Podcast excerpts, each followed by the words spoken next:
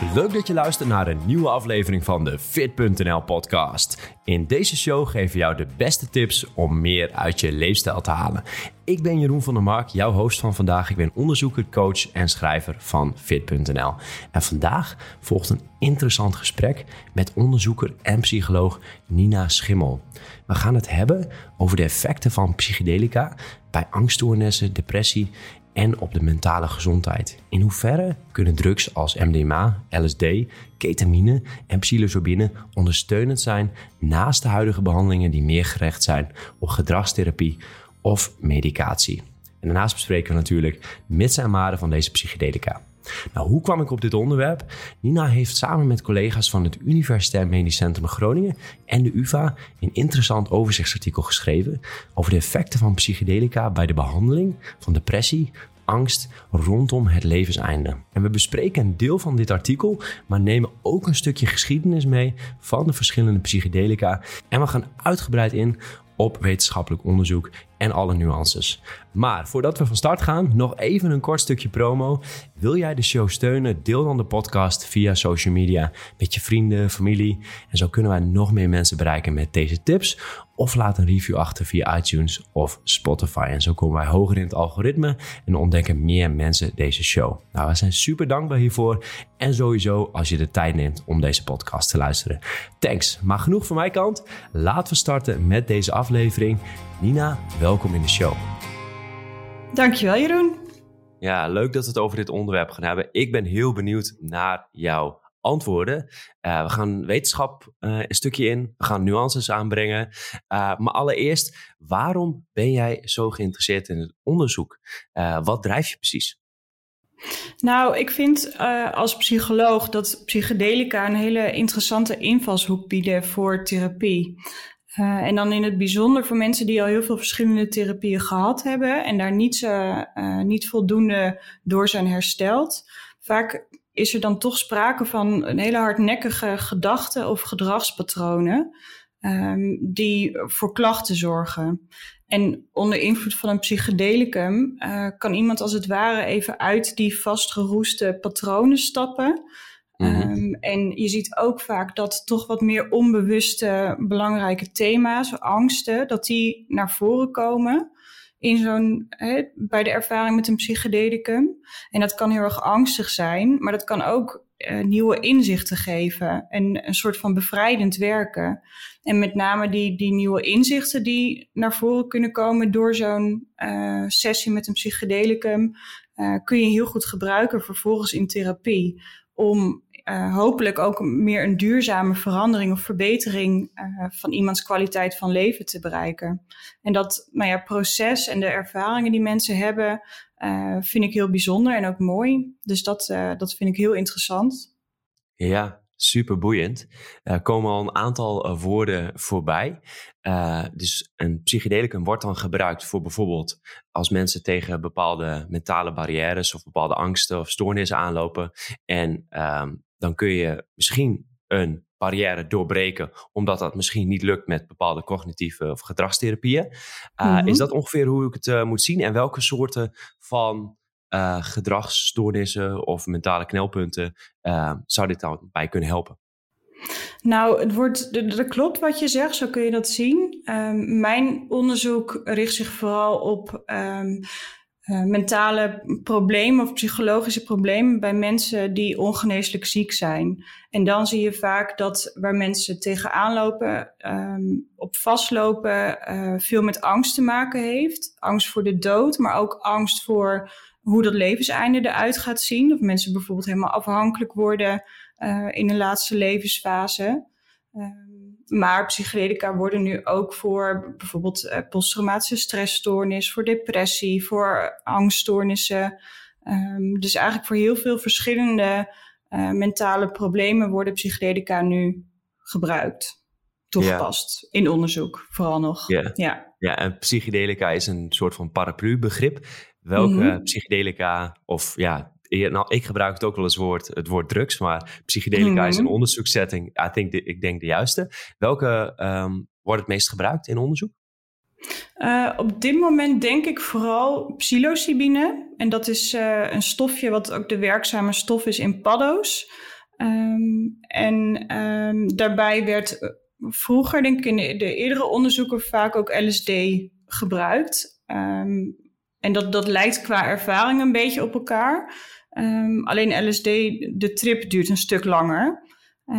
dus dat is ook een stuk vermoeiender. En ja, dus ik denk dat dat er ook wel in meespeelt dat nu psilocybine vaker gebruikt wordt. Maar we hebben bijvoorbeeld ook ketamine. En dat, is, ehm, dat, dat noemen we ook een psychedelicum, maar dan zeggen we dat het atypisch is, omdat de effecten net wat anders zijn. Ehm, en dat is een medicijn dat al langer als verdovingsmiddel werd gebruikt. En ook mhm. ketamine wordt wel, nou ja, als hè, wat jij drugs noemt, gebruikt. Mm. en ketamine, uh, dat wordt weer vaak gebruikt voor depressie en voor suicidaliteit, de behandeling ja. daarvan. Ja, interessant. En ik weet ook dat er nog wel veel onderzoek naar gedaan wordt naar MDMA bij posttraumatische stressstoornis. Er zijn veel onderzoeken gaande. Hè? Ja, ja heel veel. Ja, voordat we op alle onderzoeken ingaan, hè, voordat we helemaal de mits en maden bespreken, hoe, uh, in hoeverre het echt kan werken, wanneer wel en niet, wat de knelpunten zijn, wil ik eerst even met jou een stukje geschiedenis bewandelen. Want in de jaren 60, 70 werd er ook al veel onderzoek naar gedaan. In de mhm. jaren 70, 80, 90 uh, is het een beetje in een soort van doofpot gegaan. Is veel minder onderzoek naar gedaan. Tenminste, dat is voor zover ik weet uh, hoe ik het zie.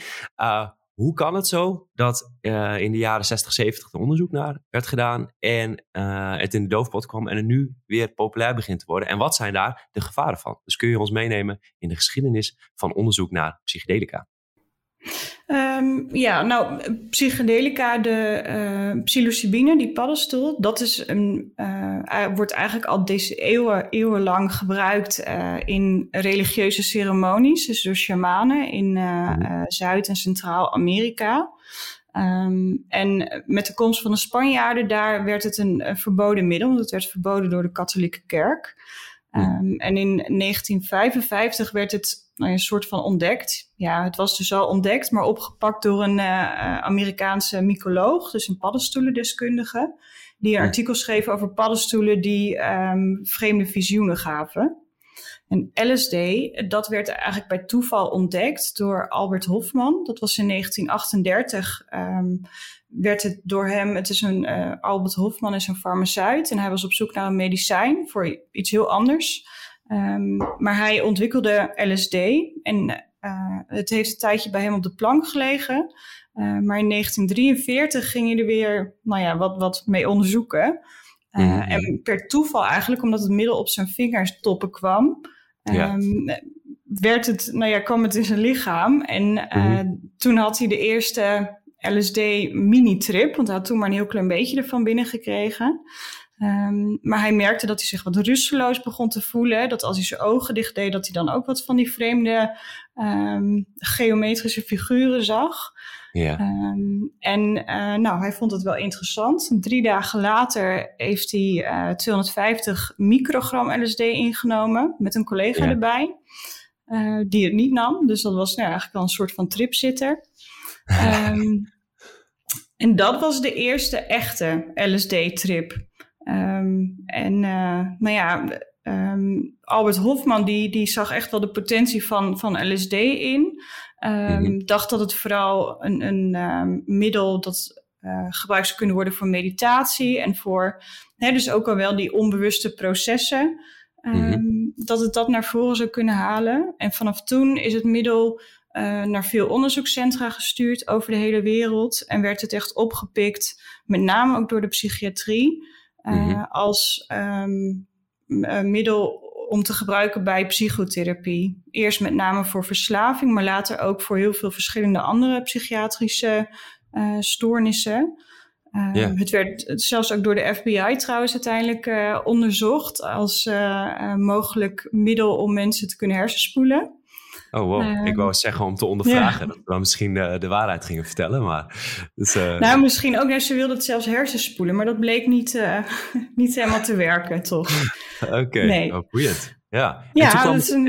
en, en, toen kwam het in het onderzoeksopgeven veld op een gegeven moment terecht. En daar, zijn, daar zijn wel mitsen en maren. Want het is nu ook weer populair geworden. En dat vind ik echt een boeiend, boeiend verhaal. Ja, wat er toen gebeurde, want het werd dus het werd heel veel onderzocht. In de psychiatrie werd het echt als wondermiddel ook gezien. Mm er zijn volgens mij toen, en dat is zo ongeveer van 1950 tot begin 1960, echt duizenden studies uh, gedaan naar nou ja, verschillende um, um, behandelvormen waarbij LSD gebruikt werd. Maar het werd ook steeds vaker recreatief gebruikt. Dus het, het ook buiten die setting van de psychiatrie en onderzoek uh, werd het door de maatschappij ook nou ja, opgepikt. Um, en dat was, um, nou ja, in de tijd van de hippies, de flower power, werd het ook als um, nou ja, een soort onderdeel van die tegencultuur van mensen die tegen de Vietnamoorlog waren uh, en, en tegen de, de overheid eigenlijk. En ik mhm. denk dat toen uh, de Amerikaanse overheid het ook wat spannend begon te vinden. Er kwamen ook meer negatieve verhalen naar voren van um, mensen die um, met LSD in een psychose kwamen, of die uh, suïcide pleegden, of die uh, later um, van die psychedelische flashbacks kregen. Mm en uiteindelijk werd het middel verboden, dus werd het ja. als drugs gezien.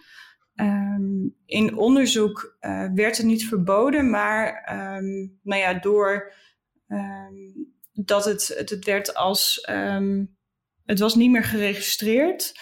Dus de, F, de, die, hoe heet het, de FDA in Amerika, ja, die ondersteunde de onderzoeksinitiatieven uh, niet meer. Dus mm. je ziet dat er vanaf, nou ja, zo half 1960 denk ik, mm. dat er gewoon steeds minder onderzoek kwam. En het heeft echt decennia stilgelegen. Eigenlijk tot um, 1990 met de opkomst van de, uh, de technieken om uh, hersenscans te maken. Toen kwam er weer opnieuw interesse in nou ja, wat er dan met de hersens gebeurde onder invloed van psychedelica. Ja. Um, en, Want dat is verhoogde ja. activiteit, toch? Als je, ja. Dus ik heb wel eens hersenscans gezien. Volgens mij mm vuren de hersenen dan wel redelijk actief. Ja, ja, klopt. Ja. Um, nou ja, en vanaf toen zie je dat er ook steeds weer meer onderzoek gedaan werd. En dat het dus eigenlijk voor diezelfde uh, problemen uh, als nou ja, waar eerder zoveel onderzoek naar gedaan is, dat het nu weer wordt opgepikt. En mm. nu ook weer zie je heel veelbelovende resultaten.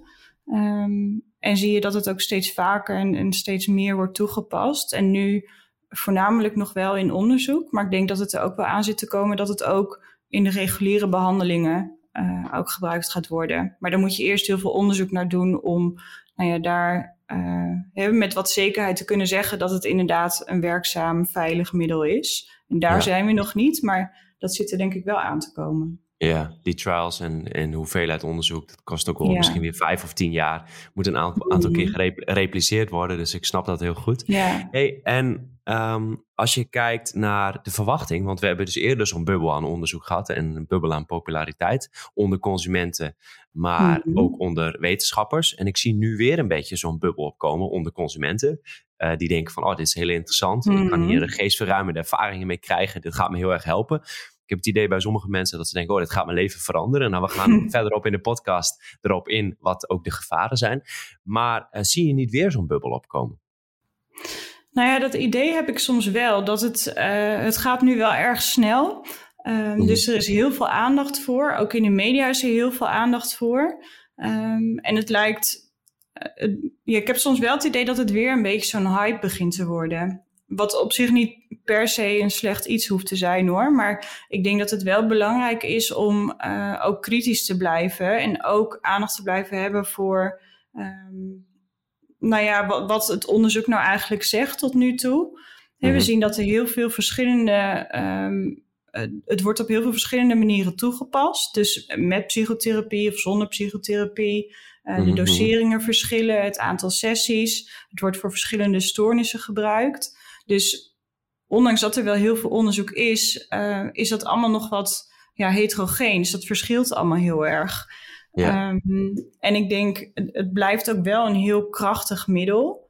Um, wat als je dat, nou ja, ik, ik, denk dat je goed moet nadenken over de setting waarin je zo'n middel geeft. En ook wanneer je dat eh, geeft en wanneer niet. Hè, welke, bij welke mensen zou het wel kunnen, uh, een goed effect kunnen hebben en bij welke mensen niet. Dat dat allemaal nog dingen zijn waar we goed over na moeten denken. Dus ja. ik, ben, uh, ik ben er heel enthousiast over. Ik vind het ook heel interessant.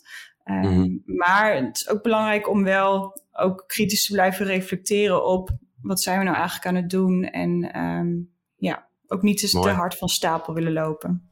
Ja, duidelijk. Voordat we verder gaan met deze aflevering, wil jij meer leren over gedragsverandering, leefstijl en krachttraining en het maximale uit je training halen? Start dan met Fit Premium. Dit is onze ledenomgeving en die vind je op fit.nl/slash start.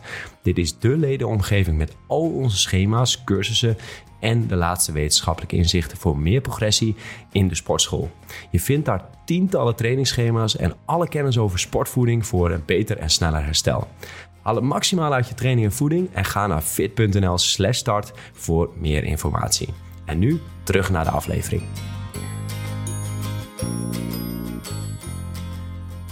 Nou, lijkt me heel mooi. Laten we even op de inhoud op gaan. Want jij hebt met collega-onderzoekers dus een onderzoek gepubliceerd, een overzicht, uh, waarbij mhm. jullie meerdere onderzoeken hebben gebundeld en hebben gekeken naar wat is precies de werking, in hoeverre is het effectief. Um, zou je daar wat meer over kunnen vertellen? Um, ja, nou, dat overzichtsartikel is een uh, systematische review van onderzoek dat is gedaan naar um, existentiële angst uh, of existentieel lijden, uh, depressie bij mensen met een ongeneeslijke ziekte. Um, en de behandeling daarvan met psychedelica.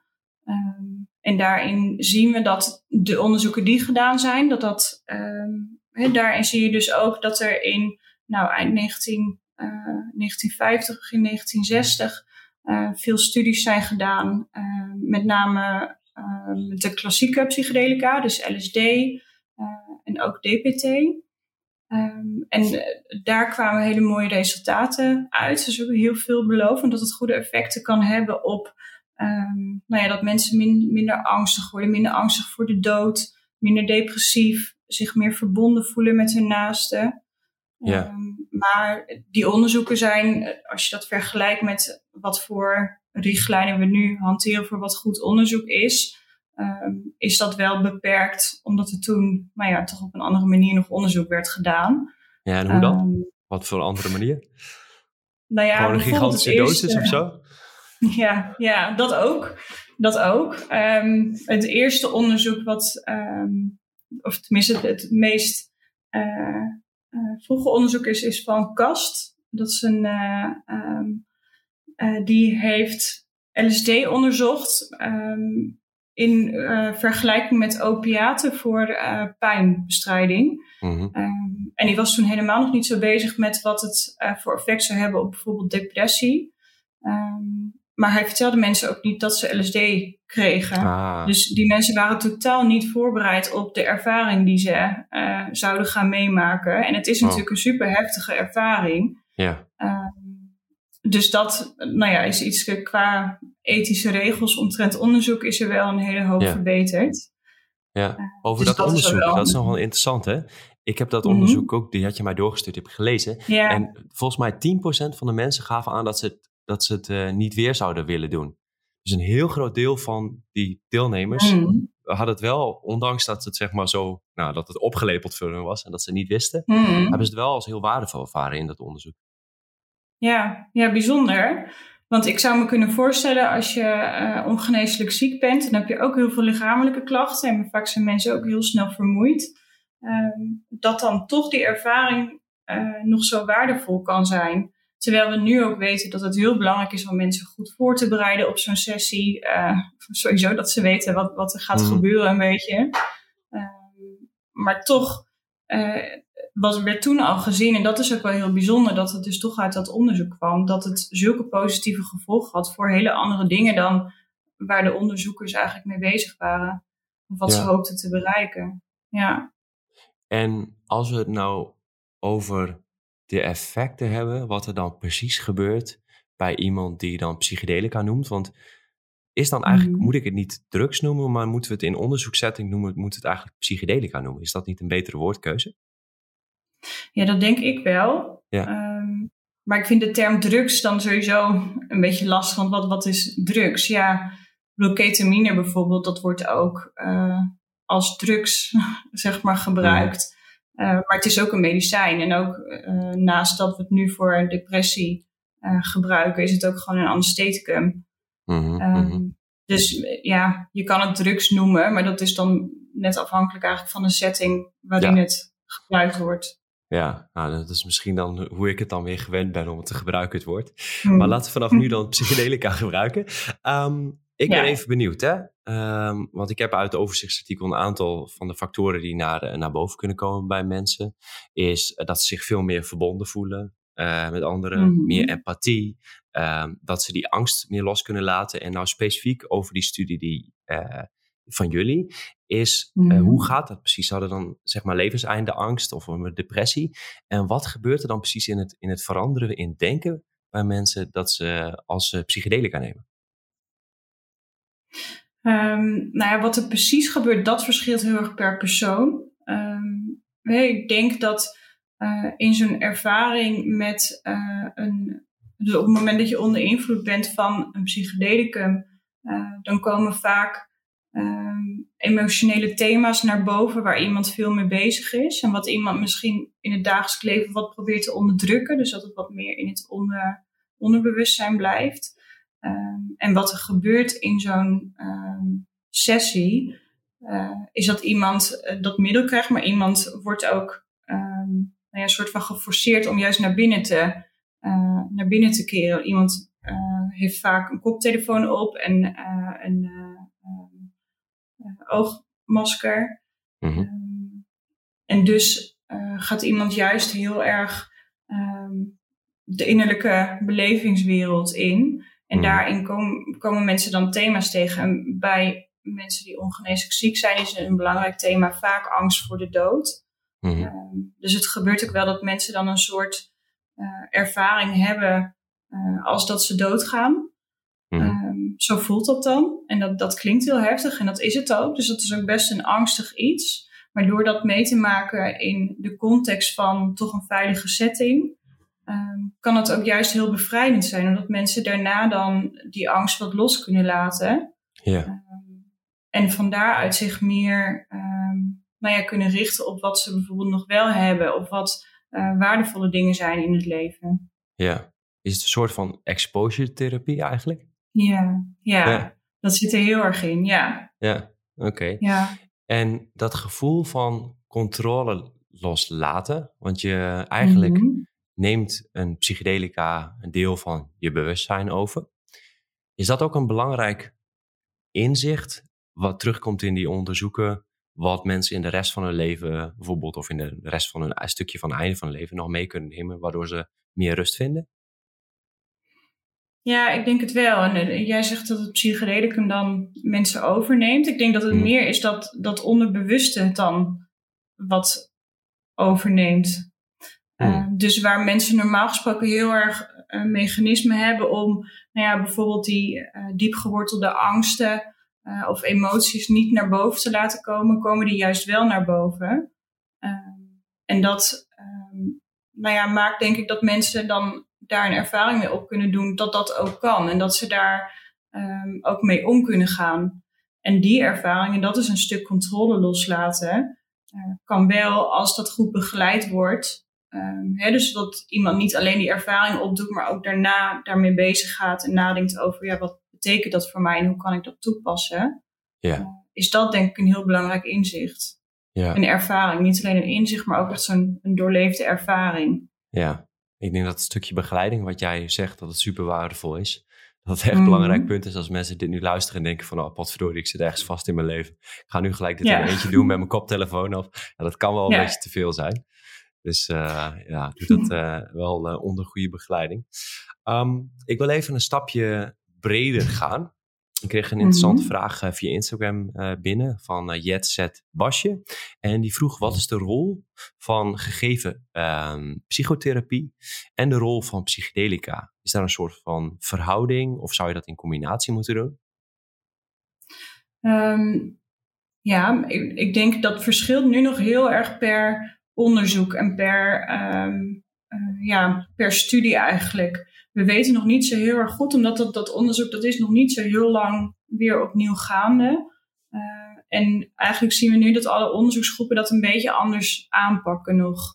Um, maar ik denk de meeste studies uh, hebben wel een vorm van begeleiding. Mm -hmm. en dat is denk ik heel erg belangrijk. Hè, dus om mensen voor te bereiden, om mensen ook daarna te stimuleren om die ervaring te integreren in hun dagelijks leven. Maar Mhm. wat je nu nog ziet is dat met name die, de psychotherapie bij de uh, klassieke psychedelica-studies, dus psilocybine dan met name, uh, en ook wel bij MDMA, dat daar de psychotherapie een grote rol heeft. Dus Ja. dan heb je vaak voorbereidende sessies waarin je bespreekt met iemand wat nou ja, belangrijke thema's zijn of wat, wat belangrijke uh, belemmerende factoren zijn op dat Mhm. moment. En door dat voor te bespreken kun je ook dan in die sessie, uh, is dat wat gerichter voor iemand. Ja. Um, en daarna heb je dan vaak, nou, dat noemen ze integratieve sessies. Dus dat is dat, dat, je, dat mensen uh, na gaan denken over, oké, okay, hoe ga ik dit dan uh, verder in mijn dagelijks leven meenemen. Um, maar bij ketamine, dus dat is dan als atypisch psychedelicum, yeah. uh, heeft het in ieder geval bij wat ik nu heb gezien in de uh, behandeling van nou, existentieel lijden en depressie ook wel, heeft psychotherapie nog veel minder een rol. Wordt het Ja. meer ingezet als, als een antidepressivum eigenlijk. Ja, ja, ja, ja. ja, ik heb dat in de onderzoek ook teruggezien. Dat het uh, bijna altijd zonder psychotherapie uitgevoerd wordt. Je zegt atypisch, hè? En waarom gebruik je het woord Ja. atypisch? Um, omdat uh, het net een ander werkingsmechanisme heeft. Um, Mhm. Het is meer. Um, het werkt ook op een andere manier in, in, het, in op het brein. Uh, maar ook de ervaring is wel wat anders. Ketamine heeft wat meer dissociatieve effecten. Mhm. Um, dus mensen ervaren de tijd bijvoorbeeld anders, ervaren hun lichaam anders, hebben meer het idee dat ze uh, ja, loskomen te staan van zichzelf. Uh, en bij de klassieke psychedelica is denk ik meer uh, dat mensen ook visioenen hebben en um, dat um, ja, daar zie je meer mystieke ervaringen ook. Um, Hm. Dus nee, dat is wat een verschil. Ja. Ja, ja. Gaan we gelijk door naar een vervolgvraag van een van onze volgers via Instagram, eh, van D. van Hemmel. Eh, wat is het verschil tussen eh, normale medicijnen, dan tussen haakjes normaal als antidepressieven, Mhm. eh, en dit soort middelen als psychedelica? Ehm, nou ja, sowieso vraag, dat. maar- Ja, nou, ik vind het een goede vraag. Ik denk een, een belangrijk verschil is al dat de, ik denk eigenlijk bijna alle medicijnen, de psychofarmacologische medicijnen die we hebben, dat dat eh, niet zozeer een acute ervaring geeft.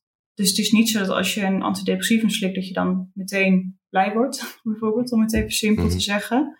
Uh, en dat moet je vaak langdurig blijven gebruiken. Dat wordt ook juist gestimuleerd. Mensen, uh, ja, dat het goed is om dat dan um, regelmatig en uh, volgens een schema en langdurig te blijven gebruiken.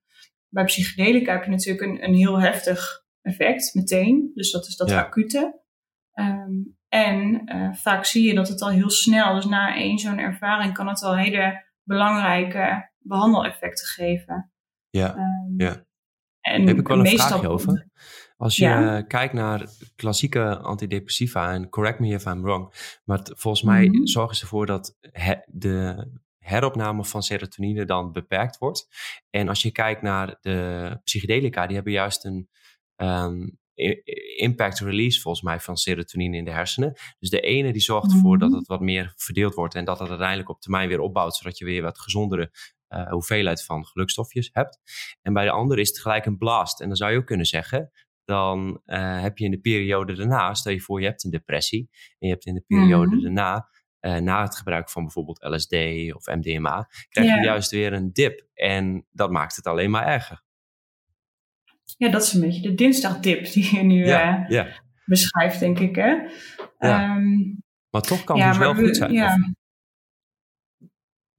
ja, maar het is ook. Ik, ik denk dat het, wat je nu zegt over de ehm, werking van antidepressiva op dat serotonine, serotonine-systeem, dat is Mhm. de, de serotonine-hypothese. Ehm, Mhm.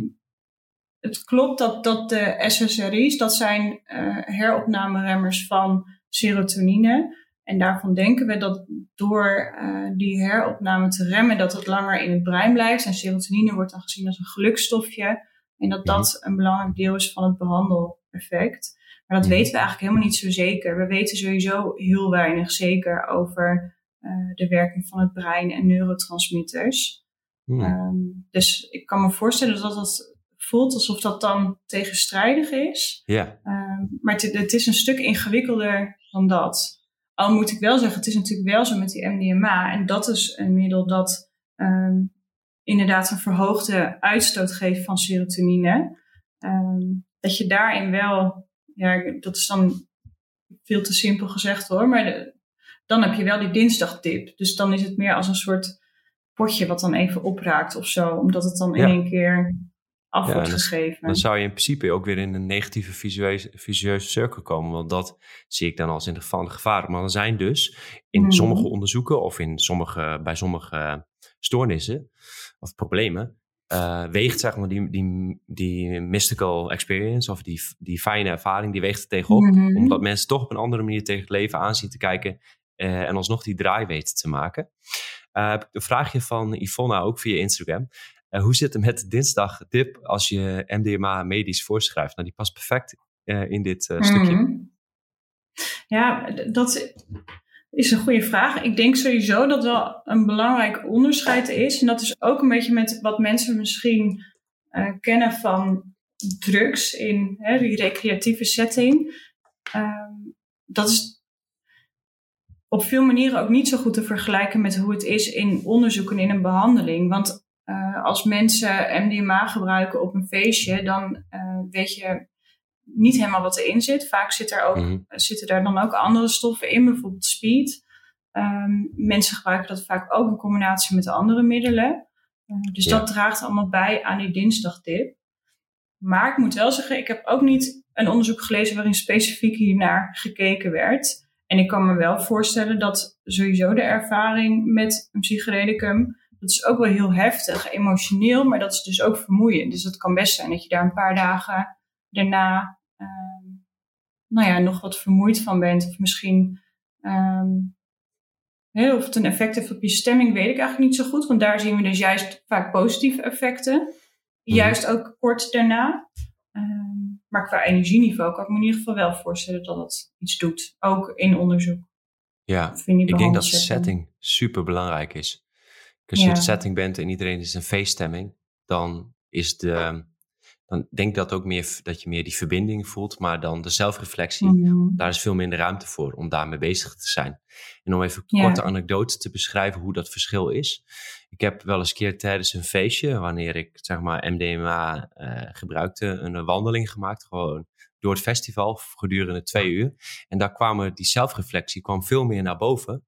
Um, ten opzichte als ik voor bijvoorbeeld met een groep was. Want dan komt meer die empathie en meer die uh, verbondenheid naar voren. Dus het zelf opzoeken binnen een festival uh, had ik meer aan de ene, aan het ene moment dat ik meer een soort van zelf mijn eigen psychotherapie, dat ik aan het rondlopen was en zelfreflectie bezig was. Yeah. Dus je kan zelf de setting creëren om over dingen na te denken. En dat mm. vond ik wel mooi dat je binnen een trip dus daar ook mee kan spelen. Yeah. Maar goed, ik wil niet uh, te veel de, de, de, persoonlijke anekdotes. Laten we weer uh, teruggaan naar het onderzoek. En nu we toch over muziek en feestjes hebben. In een onderzoek mm -hmm. worden ook het belang van muziek aangestipt. Hoe kijk jij daarnaar? Um, ja, ik denk dat dat wel, dat muziek, uh, sowieso het luisteren naar muziek kan al een, uh, een beetje een psychedelische ervaring zijn. Los van of je dan een middel ook gebruikt hebt of niet. Want daar kun je ook helemaal in opgaan. Hè? En helemaal je één voelen met, uh, met het geluid en jezelf een beetje vergeten daarin. En ik denk dat muziek, en met name wat rustgevende muziek, um, of juist opzwepend, dat dat heel erg een bijdrage kan leveren aan de ervaring. Uh, zowel, uh, ik denk dat het ook heel erg een kalmerend effect kan hebben, maar het kan iemand ook wel helpen uh, om juist um, die controle wat los te laten en wat mee te varen of zo op de ervaring. Hmm. Ja, het is een externe stimulus, waardoor je misschien iets minder focust op je eigen proces, waardoor je dingen wat los kunt laten, misschien. Nee, ik, ik denk dat het juist dat het je helpt om de focus op je proces te behouden. Oké, ja. Ja, dat zien we als mensen aan het dansen zijn op feestjes. Um, ja. Even, even kijken. We hebben uh, nu heel veel ook alweer de positieve uh, elementen besproken. Maar er zijn natuurlijk ook heel veel mitsen en maren. Wat is belangrijk om daarover te weten? We kennen natuurlijk het begrip bad trip. Um, kun je ons meenemen? Ja. Um, nou ja, eerst mitsen en maren qua onderzoek. Um, dat is dat tot nu toe de onderzoeken die gedaan zijn, dat zijn echt, dat, dat geeft veelbelovende effecten. Dus dat is heel erg mooi. maar het is nog steeds wel uh, onderzocht in toch kleine patiëntpopulaties. Dus om echt met zekerheid iets te zeggen over het effect.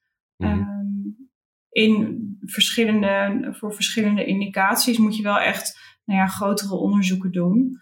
En wat ook lastig is, is dat bij onderzoek met psychedelica, deze behandeling, uh, is het moeilijk om een goede controlegroep te hebben.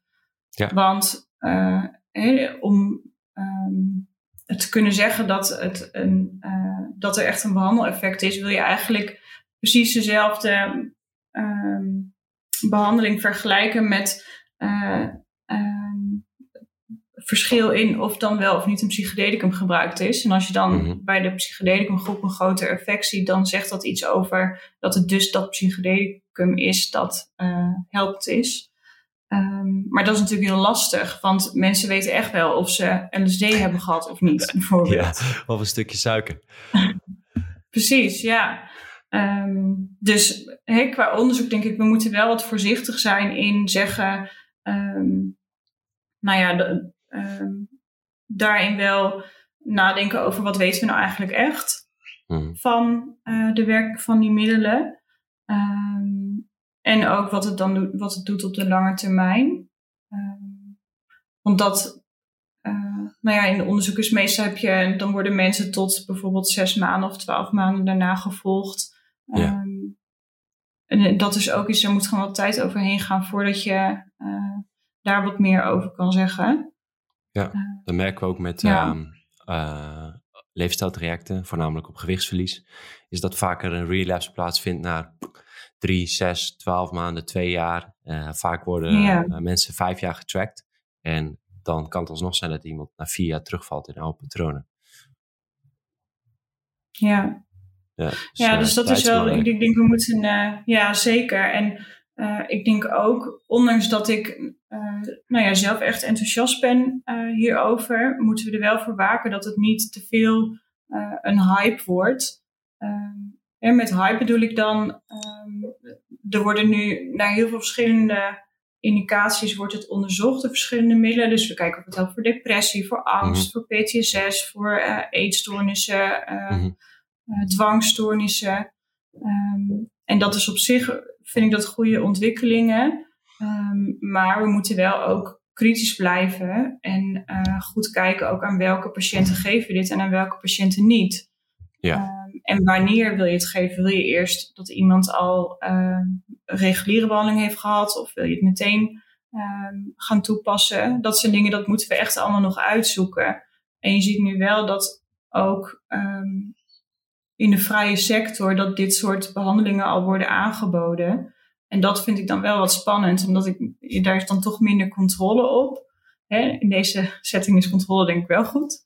Mm -hmm. um, dus dat is, ja, het is denk ik in, um, toen het in de jaren, eind jaren 50, begin jaren 60 opkwam, is het ook een beetje ten onder gegaan aan zijn eigen succes. Mm -hmm. um, en dat, dat is denk ik wel iets waar we nu, uh, ja, nou ja, ja, ik denk in de tijdsgeest van toen, uh, is het, is het ook weer niet zo heel raar. Want als je uh, um, zoveel positieve berichten hoort over iets, dan kan ik me wel voorstellen dat mensen bijvoorbeeld denken: ach, ik hoor dat ketamine dat dat uh, uh, heel goed is tegen somberheid. En ik voel me ook wel somber, dus mm. laat ik dat eens proberen. Ja. Um, ja, maar ik denk juist als je mentale klachten hebt, dan moet je daar wel voorzichtig mee zijn. Ja, ja. Nou, goed punt wat je daar aanstipt. Ik wil even een stap maken naar de rol van uh, medicalisering en de invloed van geld in de markt. Want we hebben natuurlijk te maken met geld heeft invloed op, ook op gezondheidszorg. Er is natuurlijk ook een bepaalde lobby. Als we mhm. kijken naar de huidige industrie, er zijn bepaalde medicijnen, bijvoorbeeld met depressie of met angststoornissen, die veel gebruikt worden. En er zijn ook natuurlijk partijen die bij belang hebben om bepaalde mhm. instanties of bepaalde geldstromen zo te houden. In hoeverre is er vanuit ook de farmacie uh, interesse in het gebruik van deze nieuwe middelen? Ik weet niet of ze überhaupt nog gepatenteerd kunnen worden, omdat ze nou ja, misschien natuurlijk uh, zijn of al heel lang bestaan. Mhm. in hoeverre wordt het daarom geremd dat dit veel populairder zou kunnen worden? Um, nou, de farmacie heeft er zeker wel interesse in. Um, En um, er, even kijken hoor, want er is op ketamine bijvoorbeeld, dat is op mhm. zich best een goedkoop middel, maar er is nu patent gekomen op uh, ketamine neusspray. Okay. En dat is dus even te kijken, want ik weet dus niet zo goed hoe dit precies zit. Maar wat, wat een gevolg kan zijn van interesse die de industrie erin heeft, is dat um, een patent komt op die middelen en dat het dan veel duurder wordt. Ja. En dat is bijvoorbeeld bij ketamine is dat nu aan de gang. Um, bij psilocybine ligt geloof ik dat patent wat lastiger. Maar als ik me niet vergis, is een bepaald bestandsdeel of een bepaald type psilocybine, is daar al wel een patent op of zijn ze daarmee bezig? Uh, en dat, ja, dat, dat vind ik zelf een uh, niet zo'n goede zaak. Want het, ene, nou, het enige, dat zal ook andere effecten hebben. Maar een belangrijk effect is dat die middelen veel duurder worden. Mm. Terwijl dat eigenlijk helemaal niet zo heel duur is om te maken of om uh, te verkrijgen. Ja. ja. Wordt er dan ook specifiek naar, uh, vanuit de farmacie, specifiek naar een bepaald aftakking van de psilocybine gestuurd in onderzoek, zodat dat aangetoond is en dat dat dan vervolgens geïmplementeerd wordt binnen behandelmethodes? Of wordt dan zo ook zo'n generieke uh, product gekozen? Um, dat vind ik een moeilijke vraag. Ik denk wel dat. Um, nee, dat weet ik eigenlijk niet. Oké. Nou, dan kunnen we dat voor in de toekomst uitzoeken. Van hoe dat precies van invloed is. Dat is uh, sowieso mm interessant. Dan heb ik een uh, vervolgvraag voor jou. In welke landen wordt momenteel onderzoek gedaan? Want ik kan me best voorstellen dat in wat meer progressieve landen dit meer gebeurt. Of is dat helemaal niet zo? Um, nou, het wordt veel. In Amerika wordt het ook veel gedaan. Um, veel onderzoek ook naar ketamine, maar ook de, uh, die klassieke psychedelica. Het onderzoek um, is daar ook echt alweer opgestart. Volgens mij waren zij ook de voorlopers trouwens van de nieuwe wave van uh, de onderzoeken. Mm -hmm. uh, maar in Europa wordt ook veel onderzoek ernaar gedaan. Um, ja, ja ik, ik hoor iets minder over onderzoeken uit andere delen van de wereld. Maar of dat ja. te maken heeft met, met progressief zijn of niet, dat weet ik niet zo goed. Ja, ja, het is misschien ook een denkwijze of een paradigma. Over paradigma gesproken en toekomst mhm. voorspellen. Als jij in de glazen bol zit en nu toch een beetje over spirituele onderwerpen te praten. Welke verwachting uh, heb jij dat misschien de komende 20 of 50 jaar in de behandeling van bijvoorbeeld angststoornis of depressie, uh, welke kant we op gaan? Gaan we meer naar uh, gedragstherapie? Gaan we meer naar medicatie? Gaan we mhm. meer naar psychedelica? Ja, dat is een brede vraag. Ik denk um, in de afgelopen decennia is er um, in de, uh, het, de manier van kijken naar uh, mentale stoornissen en ook de behandeling daarvan heel veel aandacht geweest voor de rol van de hersenen. Mm -hmm. uh, dat is met ehm, de eh, opkomst van mogelijkheden van fMRI. is dat heel erg gepaard gegaan. En dat, dat maakte ook dat mentale stoornissen meer als nou ja, puur problemen in de hersenen werden gezien. Uh -huh. um, en ik denk dat we daar inmiddels, dus daar zit denk ik wel een beetje een paradigmaverschuiving, dat we daar wat meer van afstappen. Um, de hersenen hebben een hele belangrijke rol daarin, uh, maar het is niet het enige waar we naar moeten kijken. Bijvoorbeeld de omgeving en de, nou ja, er zijn heel veel andere aspecten die een rol spelen bij mentale problemen. En ik denk dat we daar inmiddels weer, dus dat, dat er een beetje een verschuiving gaande is naar meer een uh, ja, biopsychosociale model, noemen ze dat ook wel. Dus dat je wat meer holistisch kijkt naar uh, problematiek en uh, dat ook meeneemt in de behandeling. Dus dat het niet of medicatie of psychotherapie is bijvoorbeeld, ja. maar meer een combinatie van en dat je daarin meerdere factoren meeneemt. Ja, en als je in die glazen bol kunt kijken, denk je dat psychedelica ook daar de komende jaren een grote rol in gaat krijgen? Of wordt het weer uh, afgesloten als, uh, omdat er te veel gevaren zijn? Nou ja, die gevaren vallen best wel mee. Um, ja, de gevaren in ieder vanuit geval de, in de onderzoek. maatschappij. Ja, Vanuit de maatschappij en, en de druk erop. En misschien weer een meer cons- conservatieve denkwijze die het afkapt, Mhm. bij wijze van. Ja. Ja, ik ben wel benieuwd. Want ik denk dat we juist ehm, ook vanuit de maatschappij. En, en Nederland was natuurlijk wat betreft cannabis bijvoorbeeld altijd al wel vrij eh, ehm, tolerant. Hè, of niet zo conservatief. Maar je ziet nu in heel veel landen dat cannabis wordt toegestaan. Dus daarin ehm, vind ik dat er best wel juist meer eh, wat makkelijker wordt gedaan over eh, gebruik van, van dat soort middelen.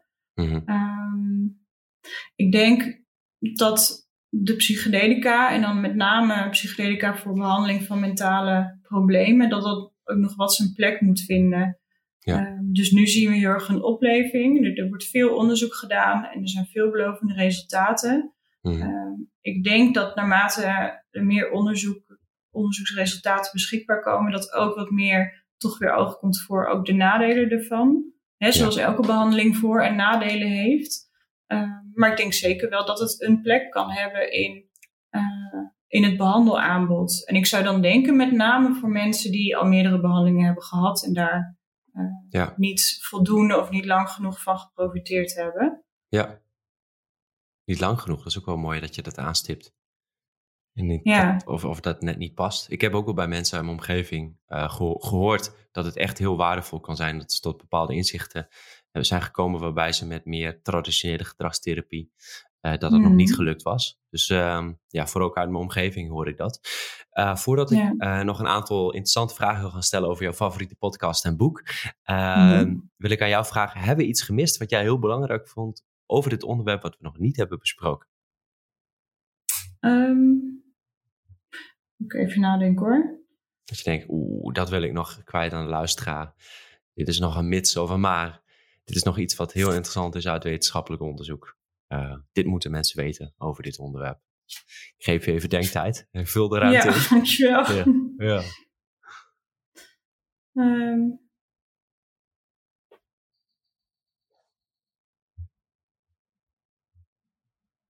nee, ik, ik kom zo niet op. Dus je zei eerder in het gesprek is waarvan ik dacht, oh, daar wil ik eigenlijk nog op reageren. Maar ik weet even niet meer zo goed wat dat was.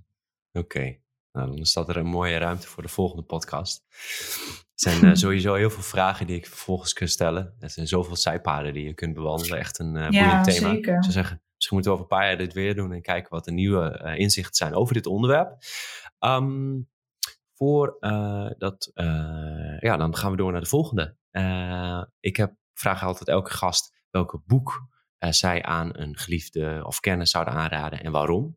En ik zag dat jij op de video al een hele mooie bij had. Die staat nu volgens mij onder de microfoon. Eh welk ja, boek ik is kan hem niet dat? laten zien. Ja. Eh, nou, dat was even de- dit topic gerelateerd. Ehm, Mhm. Michael Pollan heeft een heel mooi boek geschreven over psychedelica. Ook over zijn eigen ervaringen daarmee, maar ook over onderzoeken die daarna gedaan zijn en Mhm. de geschiedenis daarvan. Ehm, Ja. En dat als je in dit onderwerp geïnteresseerd bent, dan kan ik dat wel echt aanraden. Het boek heet How to Change Your Mind.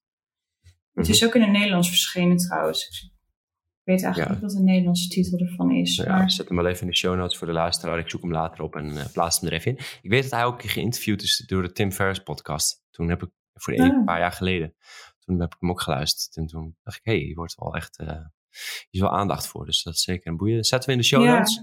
Ehm, dan vervolgvraag. Heb je ook een, eh, een favo- favoriete podcast? Of iets, een luistertip voor, eh, voor ons? Ja, ik vind zelf eh, de Psychiatry and Psychotherapy podcast van David Burden vind ik heel interessant. Ehm, Mhm.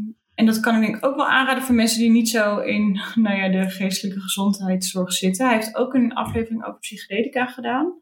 Mhm. Ehm, maar ehm, nou ja, hij heeft een hele, ehm, eh, vind ik een hele interessante manier, een hele eh, mooie kijk op belangrijke onderwerp binnen de geestelijke gezondheidszorg. Het is een Amerikaanse psychiater.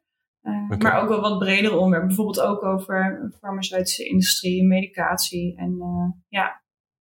En fit.nl natuurlijk. Goede podcast tip. nou, leuk om te horen. Um, sluiten we af met uh, de laatste vraag. Als je één tip mag geven aan de luisteraar, mag breed zijn, mag sportspecifiek zijn, mag over psychologie zijn. Welke tip zou je de luisteraar mee willen geven? Ja, dan toch ook weer even, uh, want ik kan me voorstellen dat um, met het horen van, van al die interessante dingen over psychedelica, mm. dat mensen denken, oh, dat wil ik ook wel eens proberen. Mm -hmm. um, ik raad uh, daarin helemaal niks aan, maar ik zou wel zeggen, mocht je dat willen doen, uh, denk daar dan wel goed over na en bereid dat goed voor. We hebben het daar nu ook al even over gehad, hè, dat het heel belangrijk is dat je dat uh, in een setting doet die voor jou veilig is. Uh, dus um, ik zou het echt niet aanraden om dat zomaar op een feestje uh, de te nemen, bijvoorbeeld. Ja. Want dat kan wel. Het is gewoon. Het is uh, een hele heftige ervaring ook als je je bewustzijn zo verandert en je waarneming zo anders mm. is. Ja. En dat kan heel erg angstig zijn. En als je dan ook nog in een omgeving bent waarin je je niet veilig voelt, dan kan dat echt. En dat, dat is ook wel. Um, dat, dat kan echt traumatisch zijn voor mensen. Dus daar zou ik zeker ja. wel mee oppassen. Ja, kan zo'n angstcirkel op gang komen. Ja. Dus als je externe prikkels krijgt en ja, die wil je normaal mm. gedragen en denk je, het lukt me niet. Ja, ik kan me heel precies, goed voorstellen ja. dat uh, als je dat doet op een feestje, dat er te veel prikkels zijn. En misschien kan ik aanvullend daar nog wel een tip op geven. Mochten mensen dat doen, bereid het ook goed voor. Maar goede voorbereiding houdt ook bij dat je dan bijvoorbeeld in, in, in, iemand die je echt vertrouwt, waarbij je echt een goed gevoel heeft, dat die dan bij je in je omgeving Mm. is. Uh, die je daarin kan begeleiden en ook niet veroordeelt in, in hoe je bent. Want misschien gedraag je je iets anders. Dat is ook wel echt een belangrijke, dat je echt op je gemak voelt. En dat diegene denk ik ook al wat ervaring heeft, waardoor je wat meer gegidst wordt. Dus um, ja, ik zou het niet zomaar Ja. random gaan doen inderdaad. Dat is een hele mooie. Uh, waar kunnen mensen het onderzoek uh, van jou vinden of jou volgen uh, voor jouw meest recente onderzoeken, bezigheden? Um, nou, via LinkedIn post ik altijd wel als ik een artikel heb uitgebracht. Um, Ja. En um, ja, daar eigenlijk vooral. Helemaal goed. Nou, dan Ja. zetten we dat ook even in de show notes. Uh, ja, dan rest mij niks meer om jou heel erg te bedanken voor deze waardevolle informatie, inzichten en tips. Ja, Ja, heel graag gedaan. Bedankt uh, voor de uitnodiging. Het was leuk om hierover uh, te kunnen praten. Leuk dat je hebt geluisterd naar deze aflevering. Voordat je weggaat nog even twee dingen. Wil je meer informatie? Bekijk even de show notes voor de besproken links en artikelen. En mocht je de show waardevol vinden, deel dan de show via social media of met je vrienden, bijvoorbeeld via WhatsApp. Dit helpt ons enorm om de show te laten groeien. Dit was hem voor deze keer. Thanks voor het luisteren en tot bij de volgende aflevering.